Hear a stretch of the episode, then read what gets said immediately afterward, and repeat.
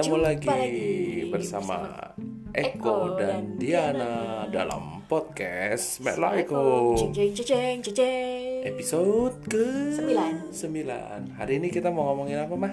Smiley face. Smiley Eh, voice, smiley smiley voice. voice. Ya jadi penyiar radio, penyiar radio nih. Ya episode 9 kali ini kita mau topiknya apa? Oh CD. OCD. Nah, berhubung eh, Ibu Diana Apa? Gua orang OCD. yang OCD iya. Lu udah Tapi ketularan. tapi kali ini kita bukan OCD yang kayak urusan rapi-rapi, tapi ke OCD kayak ke gaya parenting ya. Iya iya. Uh-uh. Selaku orang tua. Selaku orang tua ternyata sela apa? Kita tuh kadang terlalu ini. Kita mulai dari Gua masalah. ngantuk loh kalau ngomong terlalu serius dulu. Ya udah, Kita, kita mulai dari, contoh masalah. kasus. Iya, apa contohnya OCD Gara-gara sama? nih kita kan bingung malam ini nih cerita dulu ke pendengar. Kita kan bingung mau ngomongin apa ya. Iya. Kan gara-gara si Lala baru baru bisa naik sepeda. Lu bilang, udah. Kai bisa jalan, Eh, Lala bisa naik sepeda tanpa roda bantuan. eh, kita makin repot dong. makin repot sih tapi ternyata terutama sepeda sih yang gue bilang tadi gue nggak? Nyangka ternyata prosesnya cepat banget Ya, kita cerita dulu. Jadi si Lala ini kan eh, baru lepas sepedanya. Sebenarnya dia udah main balance bike tuh lama ya. balance bike udah lama Iya. iya Tapi baru dapat kado kado ulang tahun sepeda roda dua yang ada, ada belakangnya. kayuhnya Ada kayuhnya, terus ada roda belakangnya. ada roda bantuan nah Nah, eh, terus dia baru lepas roda bantuan itu atas keinginan dia sendiri dua hari yang lalu sebelum dia bisa naik sepeda ya. iya betul Hmm. Habis dia lepas itu, papanya ajarin ya naik sepeda gue masih hari. pegangin dia tuh Heeh. pegangin dia sambil dia goes Heeh. nah udah bisa tuh gue lepas dikit-dikit awalnya Hmm, tapi, Tapi- masih tapi masih sering goyang kan Hmm. terus berdasarkan pengalaman gue dulu belajar sepeda Hmm. Ini kayaknya gue masih harus beberapa hari lagi gue bungkuk-bungkuk megangin itu sepeda sampai dia lancar tau nggak? Iya kan? Habis pertama bungkuk megangin kai, bungkuk megangin iya habis bungkuk megangin si Kai baru belajar jalan. Habis itu ya kan? Tapi ternyata besoknya Hmm, lu udah kirim gue video di saat lo belum pulang kerja dia udah bisa naik sepeda iya roda anjir dua. gue antara bahagia gue nggak usah bungkuk-bungkuk sama anjir cepet bisa Sebenarnya lo agak kecewa kan? Kenapa? gue Oh, lu gue bahagia sih Oh, gue lu bahagia. pure bahagia cuman Oke. gue agak takjub sama prosesnya sih waktu itu kan gue lu sempet kirimin video yang Apa? Ada orang ngajarin anaknya main sepeda itu loh Iya iya. ya kan? Eh, ternyata di luar negeri itu ada profesi profesional sebagai bicycle trainer. trainer iya gue hampir tuh mau jadi itu buka jadi kursus kursus mengemudi sepeda gitu jadi bajunya ada tulisannya di belakang mohon jaga jarak jaga jarak sedang belajar gitu Itu ya lo tau nggak? Lala belajar sepeda tuh gua kosongkan area. Eh minggir minggir minggir itu kan ada anak lain tuh. Hmm. Minggir, anjing-anjing anjing-anjing lu usir semua. gua usir semua pokoknya masuk ke kandang lo. Gitu kan. Kalau ada motor, wait stop di situ. Anak gua lagi belajar sepeda. Nah terus apa urusannya mau OCD jadi gini.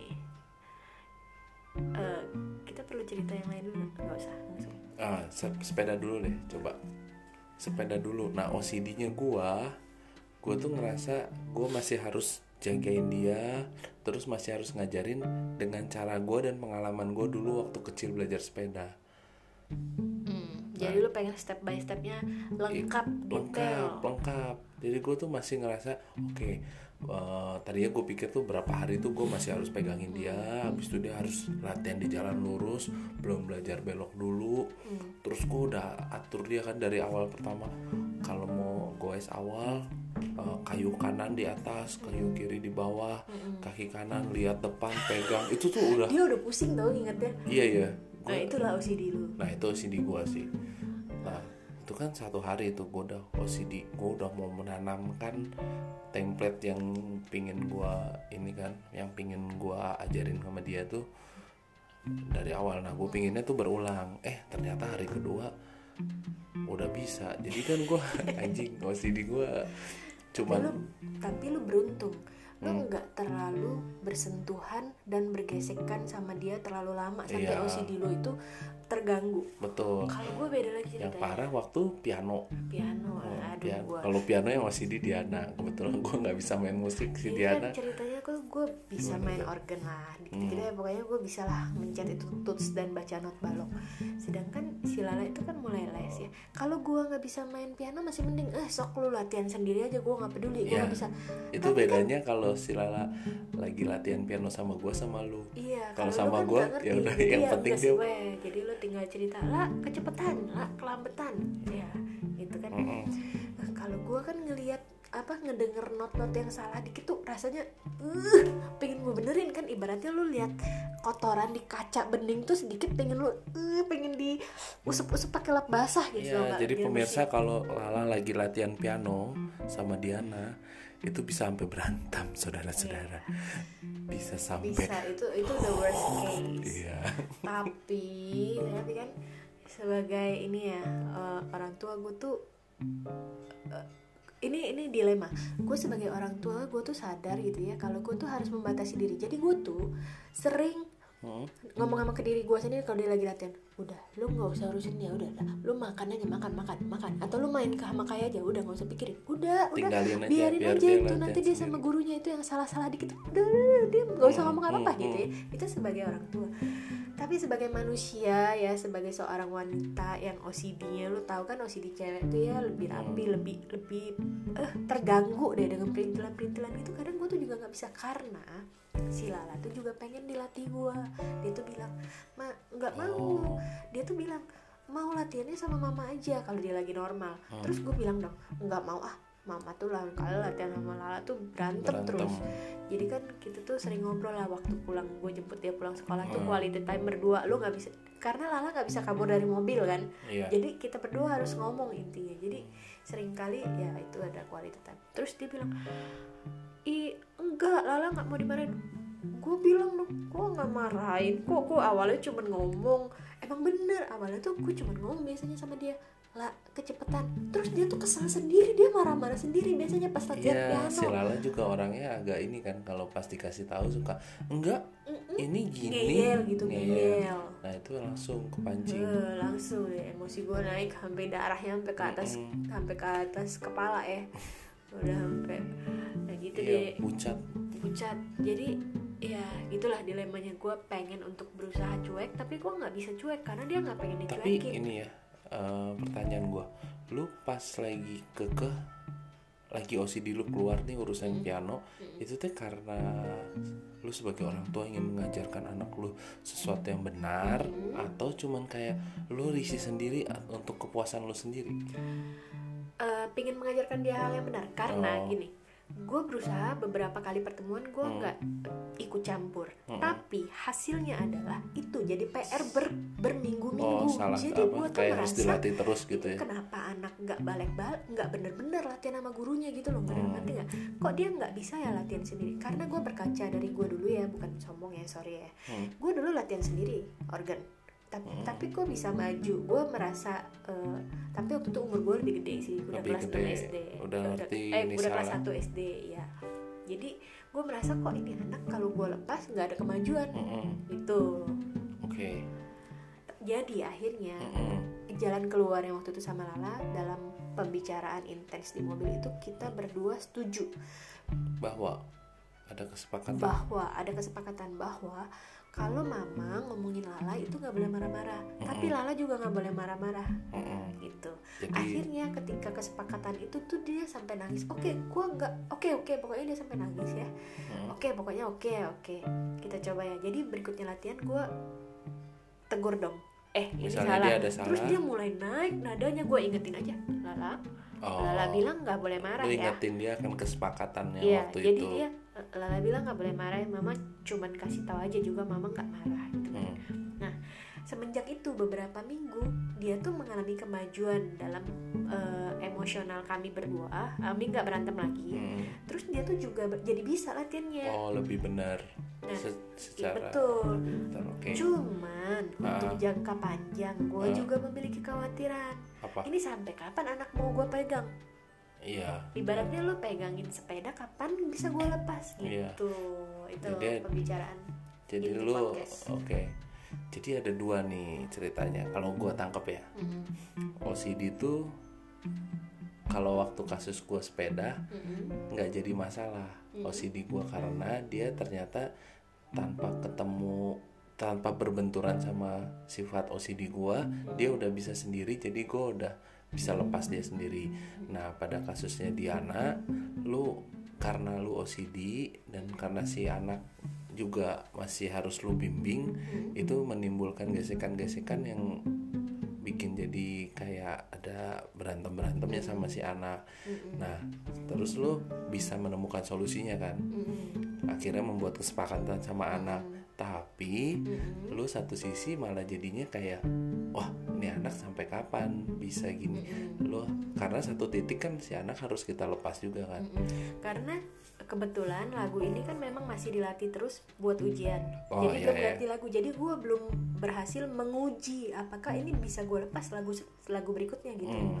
Gitu. Mm-mm. Gue belum tahu juga nih. ya Heeh. kayak gitu sih pemirsa jadi intinya OCD itu bisa jadi masalah sama anak Ketergantungan gak dia sama kita Nah gitu. sekarang kit- yang harus kita sadarin OCD itu kadang ya tapi ya orang kadang nggak sadar juga sih li.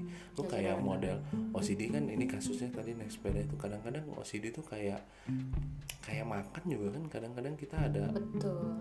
sebenarnya lu mau Jadi ngambil sendok dulu atau mau ngambil garpu dulu kadang-kadang kan ya jadi apa itu sih? juga OCD ya?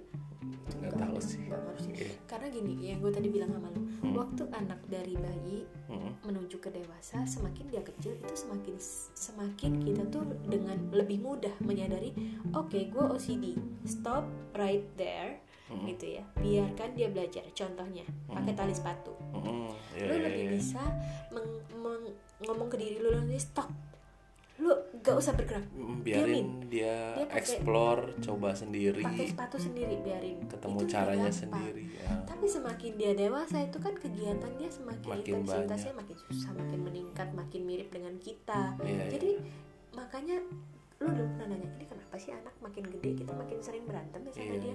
nah, apa karena makin expect- tua sabar kita makin pendek nih enggak sih? Mungkin juga nggak tahu. dulu teh gua iya coba aja coba. Pakai sepatu teh tali mau dimarahin. Padahal ya coba-coba aja gitu. Hmm, nah gue nggak tahu ini kan banyak faktor. Apa mungkin karena Mm-mm. kita sudah punya dua anak atau memang intensitasnya tadi mulai meningkat dari eh, si anak sendiri udah makin susah dan makin mirip kita sehingga kita makin susah mengendalikan diri dan membedakan hmm, batasan mana nih hmm. terus sekarang mereka udah mulai bisa ini ya menunjukkan emosi balik ke kita gitu tuh tau nggak? mereka juga udah ada perlawanan kan Iya. dulu kayak dulu kan maksud gue lagi sih kayak model si Lala lagi umur setahun setengah dua tahun ke tiga tahun dia tuh kayak semua masuk jadi itu kayak kita ngasih tahu apa iya iya iya iya gitu sama semua diterima sama dia tau nggak kalau udah sekarang umur 4 ke 5 enggak enggak tapi enggak bagus di satu sisi kan itu menunjukkan dia punya power dia punya suara dia punya Iya. independensi dia Hmm. punya kepercayaan diri untuk bilang enggak gitu Iya, kalau iya. iya dia terima terus juga juga ngeri juga kita. Iya. Ini anak baik banget nanti kita ya kok anak orang nakal semua anak kita baik sendiri gitu misalnya. Ya udah gitu sih kesimpulannya gitu ya. Jadi eh, kita juga skalanya belum terlalu besar sih. Kebayangan nanti kalau udah kayak ya itu sih jadi orang tua kan bertahap dikasih ujiannya. Ombak kecil dulu ombak gede ya gue kebayang sih waktu nanti udah remaja pasti tuh makanya lu nyusahin orang tua lu sekarang makin susah ya nggak orang tua lu makin gede lu soalnya. Ya lu harus percaya karma sih. Dulu lu kabur ya. Gimana tuh ceritanya? Apa? Gua kabur yang mana? Enggak enggak. Ya gitu sih. Kayaknya nanti kan makin dia dewasa Heeh. ya apalagi kita juga kayak papa dan mama ini sudah makan asam dan garam dunia. Kan Betul. sebenarnya dia nggak harus juga ngikutin sama gini kita gua cara kita menghadapi dunia gitu kan? Eh, ini kebetulan teman gue kan baru baru cerita dari teman gue jadi udah ini tentang adiknya udah gede gitu ya udah udah mau nikah lah udah mau berkeluarga. Terus papanya masih ayo dijemput di bandara gitu. Ayo ini ayo itu pulang jam 9 atau apa. Jadi sampai gede itu tuh anak tuh tetaplah anak kalau misalnya orang tua bilang Iya. kan kita bilang kalau kalau kita sebagai anak sih kita bilang wih kita udah gede udah gede nggak usah lu kasih tahu yang usah." gitu-gitu doang mah iya atau nggak usah terlalu diurusin gitu juga bisa kita Hmm. tapi buat orang tua ya lo tetap anak gua gitu nah sebagai orang tua menurut gua ya kita juga ada PR untuk mengingatkan diri kita sendiri bahwa sebenarnya ya itu anak tuh bukan bukan punya kita loh. Iya kita cuman dikasih kepercayaan ya. kepercayaan dititipin lah dia gitu. sampai dia bisa terbang sendiri gitu Iya, kan. iya. nah itu yang harus kita ingat mungkin. Mungkin kalau itu kita ingat gua rasa kita lebih bisa mengendalikan OCD kita nggak menurut lo? Iya betul. Iya sih. Ya Iya gitu kan? sih. Iya, kadang kita yang terlalu terlalu ha, apa larut ya. Terlalu larut dengan kesenangan akan kepunyaan Iya, anak ini soalnya jadi itu kita ngerasa milik kita gitu kan jadi kayak Iya, oke kita iya. yang itu kayak kayak- dipegang terus sama kita tuh digenggam terus gua mau bentuk dia kayak apa padahal dia tuh sebenarnya satu makhluk sendiri yang bisa Iya, bisa cuman, mencari "Nih, tolong gedein nih lu kasih cinta lu kasih Mm-mm. rumah ya lu ajarin cara dia berjalan mengikat sepatu Mm-mm. eh, nanti dia bisa sendiri mencari jalannya harusnya kan seperti itu ya. Nah Iya. kalau misalnya seperti itu mungkin kita lebih bisa mengontrol diri lah sebagai orang tua juga. Jadi kuncinya di orang tuanya sih. Iya tapi susah ya merubah mindset itu apalagi kita iya bisa susah sih. susah. Susah sih nggak gampang. Mm-mm. orang orang masalah kecil aja kita bisa berantem. Maksud gua apalagi yang udah prinsipal nanti. Iya apalagi ya lu pikir-pikir kan piano mah ah nggak usah ngapain berantem ya sebenarnya ya. Iya. Soal les begituan doang belum. Ini belum bicara hidup loh kayak iya misalnya. betul. Eh, kenapa gua repot ya sebenarnya gitu iya. ya kita hidup di kita hidup waktu zaman kita mungkin OCD-nya beda lagi. Kayak misalnya dulu kan ada stigma-stigma kayak orang tua tuh lu harus kuliah. Misalnya lu ngambil jurusan yang aneh mungkin ditolak. Karena mungkin itu OCD-nya orang tua zaman dulu juga. Karena nah OCD ini gue jadi pengen nanya batasannya sama kasih sayang apa? Karena orang tua mungkin akan membela diri bilang gini itu tuh karena gue sayang lu gue nggak mau lu mati kelaparan. Kalau lu masuk jurusan yang gak jelas gitu gimana lu bisa cari makan? Iya itu udah dua-duanya baik sebenarnya. Hmm. dua-duanya baik. Cuman eh, sesuatu yang baik dikasih. Gimana ya gue ngomong? Sebenarnya yang bagus sih. Caranya? Caranya sama waktunya sih. Hmm. Gimana sama tuh? sama ting apa ya? Kayak misalnya gini ya lu misalnya contoh ngam, ngam- mau kuliah gitu ya. Mm-mm. lu lu bisa kasih input tapi lu nggak bisa paksa. Harusnya, Harusnya. idealnya seperti itu. Heeh, dan dan kita juga sebagai orang tua pikirannya harus lebih terbuka sih. Hmm. ya misalnya kayak contohnya lu mau kuliah apa gue sih yakin semua jurusan semua bidang ilmu kalau ditekuni secara profesional itu pasti ada akan baik akan hasilnya. baik lah Hmm. mungkin lah lu ada ada bidang ilmunya tapi nggak ada potensi untuk hidup gitu di situ Hmm. kan gitu Mm-mm. sih kayak gitu sih tadi gue mau ngomong apa ya jadi lupa ya terus Ya. terus ya ya jadi kita kuncinya di orang tua sih tapi ya nah terus selain itu kita, ya itu sih balik lagi kayak dari dari zaman dia bayi kan prinsipnya itu tuh nggak inget gak lu yang zaman lu bilang asal nggak membahayakan nyawanya betul. harusnya tuh kita karena tugas kita ya kita gue tuh eh, kita berusaha mengingatkan diri kita sendiri Hmm. lah nanti ya. Kita sebagai orang tua kan tugasnya tuh mendampingi. Ya, ya ya bukan menentukan atau menghakimi dia. Misalnya kayak lu jurusan ini bisa cari makan apa? Mau lu mati belum gitu. tahu. Kan lu Iya. kita belum tahu. Kok Iya. kita berhak ah, siapa kita berhak menjudge dia punya masa depan? Betul. Kalau yang bisa kita lakukan adalah menanamkan bahwa eh lu bertanggung jawab ya atas lu pilih itu ya. Ibaratnya lu pilih apel abisin ya Mm, lu bener ya oke gua di sini gua beliin lu apel ini. Gitu kan tugas kita seperti itu. Gua akan liatin lu makan gitu kalau Iya. bisa tugas kita kan mendampingi dia. Kalau Iya. misalnya dia terpuruk atau dia bisa terbang itu ya apelnya mau dia bikin jadi apple pie boleh Iya, mau dia atau bik- mau langsung makan gitu boleh mau makan kulitnya dikupas ya itu yang penting Ah. apel itu bisa dia gunakan gitu kan. Mm-mm, jadi ya, OCD kita tuh kalau- mendampingi dia lah gitu. Ya kalau OCD itu pagar lu harus tahu tuh pagarnya segede apa. Mm-mm. lu nggak perlu sampai ngatur terlalu ini kayaknya sih Terus pertanyaan gua kalau sudah seperti itu, sampai batasan mana kita harus melindungi atau mendampingi anak? Misal, misal Mm, dia udah pilih satu jurusan, mm, sampai kapan kita tuh harus mensupport dia? Dalam arti misalnya dia berhasil bagus oke. Gak usah ngomong lah ya itu ya oke Iya, lah iya. lo kita sudah sukses sebagai orang tua atau Hmm. anaknya juga sudah. Tapi misalnya ternyata dia gagal kita support lagi kah? Terus dia pilih lagi yang lain. Gagal. Karena kan gini ada loh pribadi-pribadi yang eh, resiliensinya kurang. Nah gimana kita membedakan itu itu? Resilience dalam dalam arti daya juangnya. Jangan sampai kita juga kebablasan ngasih pendampingan atau kebebasan di mana anak kita malah jadi tidak serius tidak Hmm. bertanggung jawab. Ada orang kan ada kan orang tadi teman gue baru bilang eh ada nih orang minjem duit sama gue tapi orangnya nggak kerja kerja melulu ganti kerja dikasih kerjaan gagal mulu. Ada teman gue yang hidupnya sampai sekarang udah tua masih bergantung aja sama orang tuanya. Atau kerja sini nggak bisa alasannya ini. Kerja sana gagal lagi gitu. Nah nah itu batasannya sampai mana ya biar nggak kelewat seperti itu itu gue nggak tahu jujur. terus terang gue nggak tahu batasannya apa. Susah sih. Coba pengal ya. Ya ya sih. Iya ini kan sih. eh, podcast ini tidak harus menyediakan jawabannya. Betul. Dan ini kan bersambung ya maksud gue nanti mu- bukan bersambung sih. Nanti kalau kita menghadapi lagi mungkin gue mungkin bisa jawab. Mudah-mudahan di di pengalaman selanjutnya ada Oke, tapi mungkin gue gua eh, bantu jawab ya. Ah, coba. Belum, bukan berarti gue tahu ini cuman pemikiran gue doang. iya menurut iya gue iya. gimana? Nggak, ah. Eh, itu bisa nggak sih kita biasain dari kecil?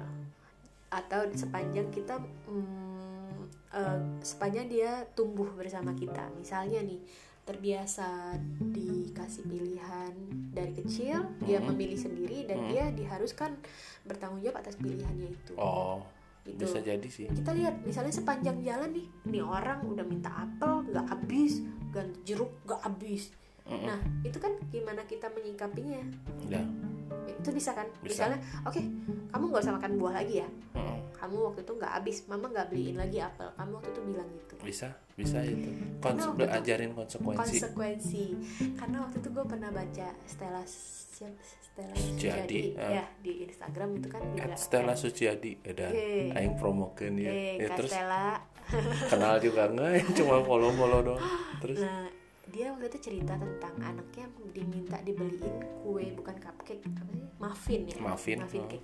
jadi ceritanya anaknya ini selalu nggak habis dibeliin muffin Hmm. cake. terus? Nah suatu hari anaknya ini minta ma mau beliin itu nggak mau mama nggak mau beliin karena kamu selalu nggak habis. Hmm, janji janji aku janji sekali ini habisin. Hmm. Enggak mama nggak mau karena waktu itu kamu ikat janji mama nggak percaya lagi. Janji aku mau itu aku mau. Oke dia kasih kesempatan. Hmm, terus? Kamu janji ya hmm, ini harus habis ya. Hmm, iya aku janji aku janji. Hmm. akhirnya dia beliin. Terus akhirnya walaupun lambat tapi dia menikmati kue itu akhirnya habis, habis ah. Nah gitu. Maksud gue itu kan oke. eh, sejalan waktu ya. Mungkin Hmm. anak-anak belajar lah. Nggak Hmm. mungkin lah dia udah dikasih kue tiga kali terus nggak dikasih empat kali dia nggak belajar. Ya itu memang kita kasih aja pelajaran terus kalau kayak gitu mah ya nggak? Iya ya berarti itu salah satu kuncinya adalah mengajarkan anak konsekuensi. Jadi kan pertama OCD kita dikurangin. Hmm, kan bukan dikurangin sih maksudnya pagernya diperluas. Hmm, ketika it- selain itu hmm. ketika pagar itu diperluas si anak kan punya kebebasan Keleluasan lebih. Betul. Hmm, Nah, dalam keleluasan itu kita ajarin dia konsekuensi. hmm, hmm, Dalam setiap pilihan dia hmm, ada konsekuensinya. hmm.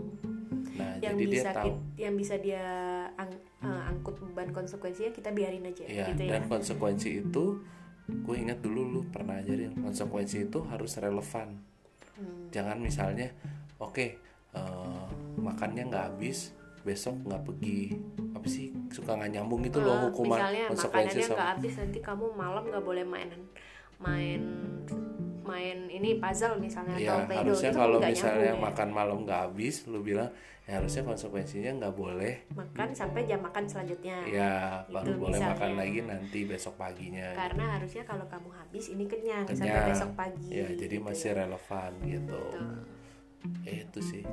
ya oh. semoga berhasil ya semoga kita kan berhasil. juga anaknya baru berapa lima tahun. Lima tahun. Sama ya yang kedua itu sih. Maksud gue selama nggak membahayakan kehidupan, kehidupan eh, gue lagi ya tuh pendengar interview orang adalah orang Itu lama banget sih udah 25 menit. Apa ya? Kenapa Iya, ya sekarang nggak lama terus? Dia tuh udah gede udah masuk kuliah mulai mabok. Bapaknya bapaknya nggak ngelarang dia. Bapaknya cuma bilang pokoknya yang mabok jangan nyetir. Hmm. karena bap cuman gitu sih. terus dia bilang bener. berarti boleh mabok? Boleh. Asal lu jangan nyetir kalau lu mabok. Wah gitu sih kayaknya mungkin kayak gitu. bukannya gua ngebolehin mabok sih cuman Iya, maksud iya, gua bener-bener. itu contohnya nyata sih. Eh, betul betul. Jadi hal-hal yang sangat membahayakan nyawa itu sudah tidak tidak ada kompromi. Nggak ada gitu kompromi kan. Nah, uh-uh. gitu. Ya sip. Cakep kesimpulannya oke jadi kesimpulannya OCD itu batasannya kita perluas sepanjang dia bisa belajar dan tidak membahayakan nyawanya. Ya. biarkan dia belajar sendiri. Sampai batasan kapan kita kasih konsekuensinya Konsekuen- sendiri. ya. dia akan men- menemui kok konsekuensinya sendiri. Ya. misalnya nih misalnya Lala piano ya nggak ganti-ganti lagu aja setahun. Kalau misalnya nggak latihan Iya, gitu kan gitu ibaratnya kan. tapi kita bayar jadi mahal dong ya itu itu resiko kita. resiko kita sebagai orang tua. Ngap- ngapain mau ngeles sendiri? Gitu nggak Iya. usah aja kan. Ya eh, oke. Gitu kan? Iya. intinya itu aja kan? Sip. Konsekuensi harus relevan dan tidak membahayakan hidupnya. Kalau ada yang membahayakan tidak ada kompromi. Cie. edan. dan, dan Eko Teguh. Eko Teguh anjir the golden way. Oke sampai jumpa. Iya dadah. Dadah. eh kalau ada usulan topik dong kita kadang tuh bingung tuh mau ngomongin apa. Iya. Oke. Gitu. Ya Dadah. dah